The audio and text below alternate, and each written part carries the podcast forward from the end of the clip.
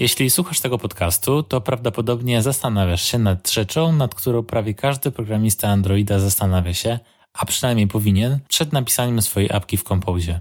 Czego używaj do nawigacji w mojej apce? Słuchać się Google'a i korzystać z zalecanej biblioteki Navigation Compose? A może zostać przy starym podejściu z fragmentami i używać Compose'a tylko do tworzenia widoków? Ja nazywam się Patryk Kosieracki, a to jest trzeci odcinek Android Talks, podcastu, w którym opowiadam o tym, jak dobrze pisać aplikacje na Androida, kładąc szczególny nacisk na architekturę, testy oraz biblioteki i narzędzia, z których korzystamy. W tym odcinku opowiem Ci o moich przygodach, zarówno z Navigation Compose, jak i fragmentami. Dowiesz się, które podejście jest lepsze i dlaczego, oraz jakie przeszkody mogą na Ciebie czekać, używając każdego z nich. Zaczynajmy.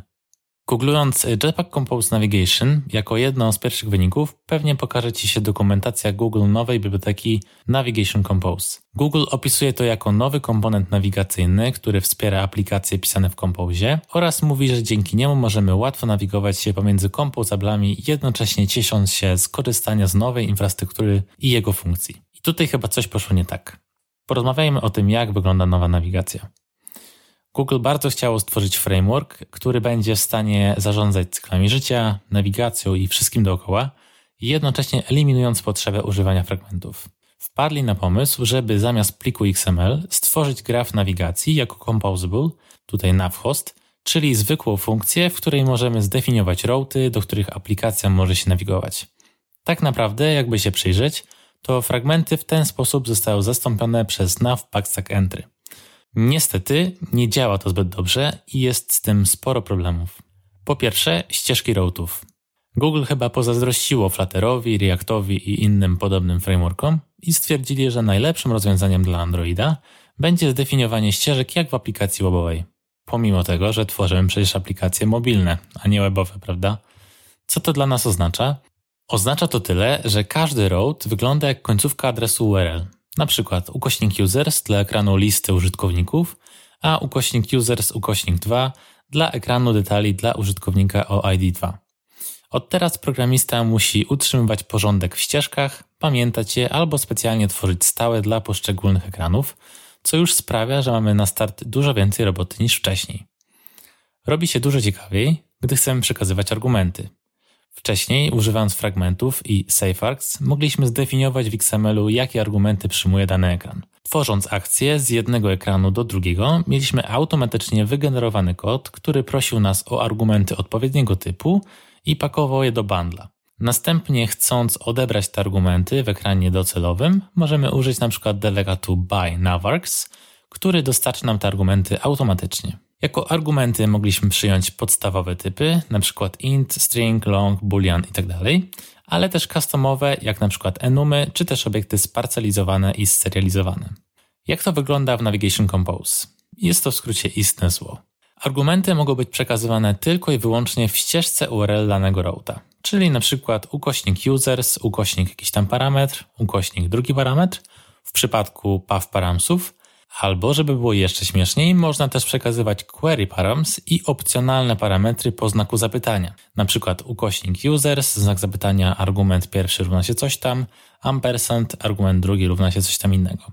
Czyli teraz nie dość, że programista musi zarządzać wszystkimi routami sam, to jeszcze musi pamiętać, jakie argumenty przyjmuje poszczególny ekran oraz jakie są klucze i typy danych parametrów oraz ich kolejność. Wystarczy jedna pomyłka w ścieżce i nasza aplikacja się wykrzacza. Nie zapomnijmy też, że skoro jest to adres URL, to każdy parametr musi być tak czy siak przekazany jako string i musi być zenkodowany. Jeśli przekażemy na przykład stringa z ampersantem i go nie zenkodujemy, to możemy liczyć się z błędem albo nawet crashem apki. To sprawia, że API Navigation Compose staje się całkowicie anty-typesafe i stwarza niebezpieczeństwo dla poprawnego działania naszej aplikacji. Masakra. Co w takim razie z enumami, serializablami i parcelablami?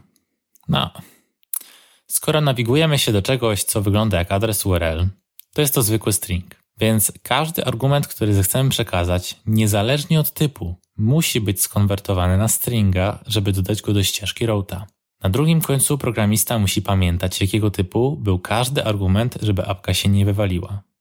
Enumy jeszcze da radę jakoś przekazać. Możemy w teorii zamienić go na stringa, a w ekranie docelowym wywołać metodę np. valueOf, żeby znaleźć w enumie wartość, którą wcześniej przekazaliśmy jako string. Niestety dużo gorzej jest z obiektami serializowanymi i parcelizowanymi. W teorii możemy napisać haka, który dostanie się do argumentów backstack entry i ręcznie przekaże tam obiekt, który rozszerza właśnie serializable albo parcelable. Jest jednak duże ale. To tylko hack, którego Google nie poleca i nie daje żadnej gwarancji, że w każdym przypadku te argumenty będą przekazane i przeżyją chociażby śmierć procesu. Osobiście miałem już kilka razy sytuację, w której przekazanie w ten sposób argumentów spowodowało u mnie crash apki, a co ciekawe, na niektórych ekranach działał poprawnie. Ponadto Google otwarcie mówi, że nie supportuje parcelizacji i serializacji i nigdy tego nie doda do API. Mamy jeszcze jedno rozwiązanie i aż mi głupio o tym mówić, bo współczuję osobie, która w ten sposób chciałaby przekazywać swoje parametry. Uwaga. Możemy przerobić nasz obiekt na JSONa i przekazać jako string. Jest to oczywiście jakieś rozwiązanie, no ale bez przesady. Nie będziemy tego pisać, no bo to przesada, więc uznaję to tylko za ciekawostkę. A, i jeszcze jedno. Kojarzycie nawigację i czyszczenie backstacku przez pop-up to inclusive, exclusive i tak dalej? To też nie zawsze działa, a przynajmniej działa jak chcę, bo często widziałem, że mój backstack zachowywał się nie tak jak chciałem po nawigowaniu się do niektórych ekranów. I tak na fragmentach to już działa tak jak powinno. I teraz powstaje najważniejsze pytanie. Dlaczego?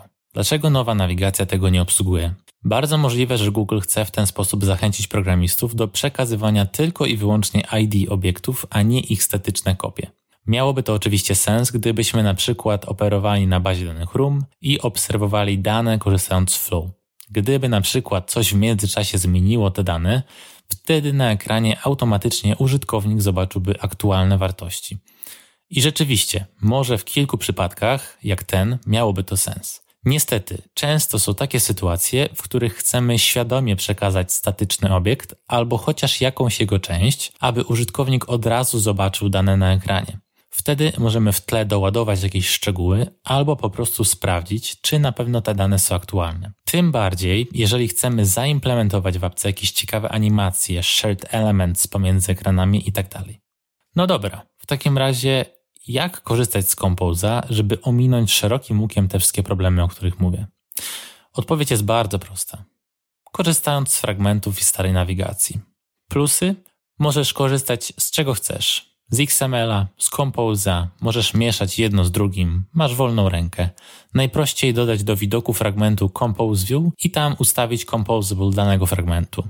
Po drugie, nie podobać się Launched Effect, Disposable Effect itd., tak nie musisz tego w ogóle używać. Możesz pisać część kodu po staremu, tak jak pisało się we fragmentach, a do Composably dodać same widoki. Kolejny argument. W zależności od tego, jakie dependency injection używasz, możesz też natknąć na problem z State State Handle, jeżeli używasz Navigation Compose. Ja w projekcie, w którym aktualnie pracuję, używam Coina i niestety Save State Handle nie daje się wstrzyknąć do view modelu w nowej nawigacji. Problem znika, jeżeli używasz fragmentów i wstrzykujesz viewmodele przy użyciu delegatu by viewmodel. A jakie są minusy? No, używasz fragmentów. Może to na początku wydaje się śmieszne, ale trzeba pamiętać, że niektóre osoby nie lubią fragmentów, na przykład Jake Wharton. W skrócie, jego zdaniem ogólnie można korzystać z fragmentów, ale nie z backstacku, bo, no bo go nie cierpi. Kolejny minus, masz trochę więcej kodu. W końcu dla każdego ekranu musisz napisać fragment i composable oddzielnie. I pamiętaj, masz dwa cykle życia, którymi musisz zarządzać. Cykl fragmentu i composable. Są przypadki, w których fragment dalej będzie żywy, a composable się zdisposuje i nastąpi rekompozycja od zera. Wtedy możesz mieć trochę zabawy, na przykład ze stanami ekranu. Najprostszy przykład? Możesz umieścić dwa fragmenty w viewpagerze, które zwracają widok compose view. W zależności od tego, czy obserwujesz stan we fragmencie czy w Composable, Twój stan może być handlowany nieco inaczej. Może się to początkowo wydawać problematyczne, ale na szczęście jest na to bardzo szybkie rozwiązanie. Wystarczy użyć metody Set View Composition Strategy na danym Compose i ustawić w jaki sposób cykl życia Composabla ma się zachowywać w stosunku do cyklu życia fragmentu. Na koniec pamiętaj, że przekazując sparcalizowany obiekt jako argument SafeArgs, musisz też go dodać do Progarda. Inaczej dostaniesz crash na produkcji. Tak naprawdę, moim zdaniem, z minusów byłoby to na tyle. Czy w takim razie używanie fragmentów jest rozwiązaniem idealnym? Raczej nie. Moim zdaniem najlepiej by było, gdyby Google dostarczyło nam gotowe, działające i dobre API do nawigacji w Compose. Niestety, tak jak wspominałem wcześniej, na razie możemy o tym zapomnieć. Na ten moment rozwiązanie, które Ci przedstawiłem, to coś, z czego sam korzystam i jestem zadowolony. Pamiętajmy też, że wiele bibliotek i narzędzi nie ma jeszcze stuprocentowego wsparcia z Compose'em i czasem możliwość napisania czegoś po staremu we fragmencie, czy nawet w XML-u jest dokładnie tym, czego potrzebujemy, żeby uniknąć problemów.